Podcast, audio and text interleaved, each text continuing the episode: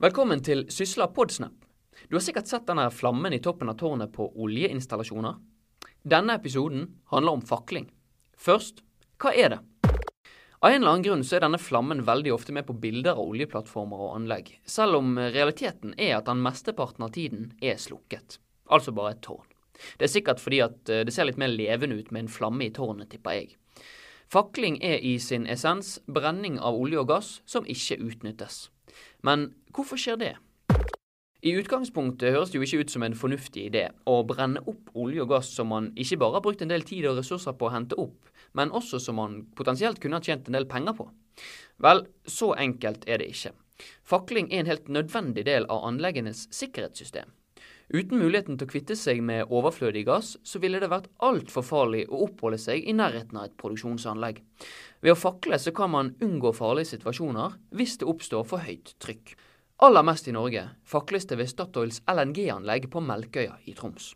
Statoil sjøl sier at grunnen til dette er at prosessene på Melkøya er veldig komplekse sammenlignet med andre anlegg. Så det er helt nødvendig å kvitte seg med trykket som ikke utnyttes. Men hva er konsekvensene av denne faklingen? Det er bred politisk enighet om at faklingen må reduseres. Det er ingen partier som er for fakling, men det varierer hvor viktig man mener det er å redusere det. I tillegg har Stortinget vedtatt at unødig fakling, som det heter i lovteksten, er ulovlig i henhold til petroleumsloven.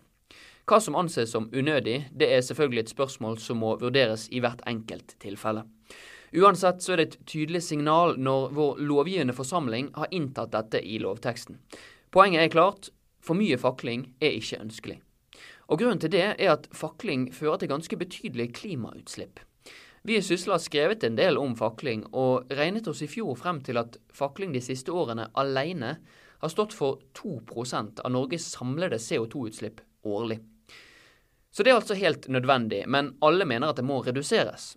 Så Finnes det ikke noen ny teknologi som kan ivareta sikkerheten uten at vi slipper ut all denne CO2-en?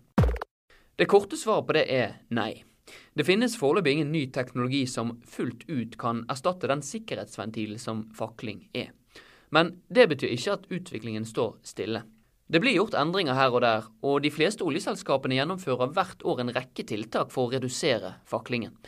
Det kan f.eks. være noe så enkelt som å jobbe med kultur.